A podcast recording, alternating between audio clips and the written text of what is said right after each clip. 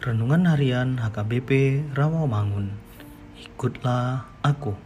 Rabu, 27 Oktober 2021. Dengan judul Mendengar dan Menerima Perkataan Tuhan. Bacaan untuk kita pada pagi hari tertulis dalam Yeskiel 14 ayat 12 sampai 23 dan bacaan untuk kita pada malam hari tertulis dalam Matius 20 ayat 29 sampai 34.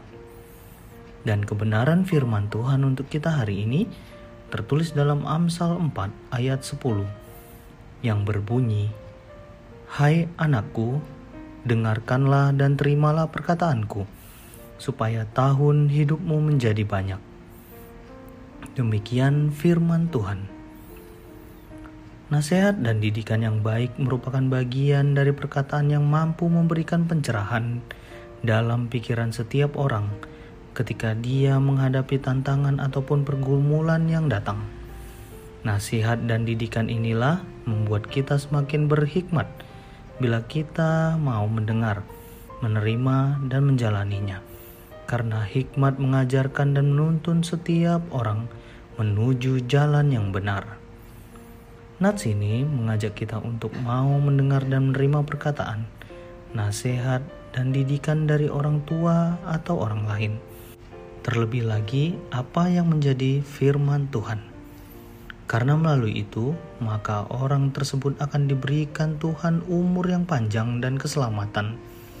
Hal ini disebabkan bahwa di dalam perkataan yang benar itu terdapat kasih dan kemurahan Tuhan kepada manusia serta kedamaian dalam hubungan manusia dengan sesama manusia. Demikian juga dengan rasa hormat kepada orang tua.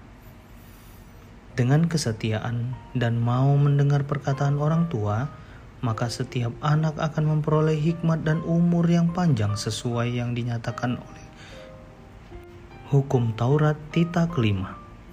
Untuk itulah kita dipanggil agar senantiasa mau mendengar menerima serta melakukan apa yang diperintahkan Tuhan dan orang tua. Janganlah bosan atau jenuh mendengar didikan, karena di dalamnya terdapat umur panjang, berkat, kedamaian, dan kebahagiaan. Terlebih melalui hal itu, kita akan menerima keselamatan sempurna dari Tuhan Yesus. Ingatlah bahwa keputusan kita saat ini menerima atau menolak didikan pada hari ini menentukan perjalanan hidup kita ke depan. Mari kita berdoa. Ajarilah kami Tuhan untuk lebih peka mendengar dan menerima didikan dari Tuhan dan juga dari orang tua kami. Amin.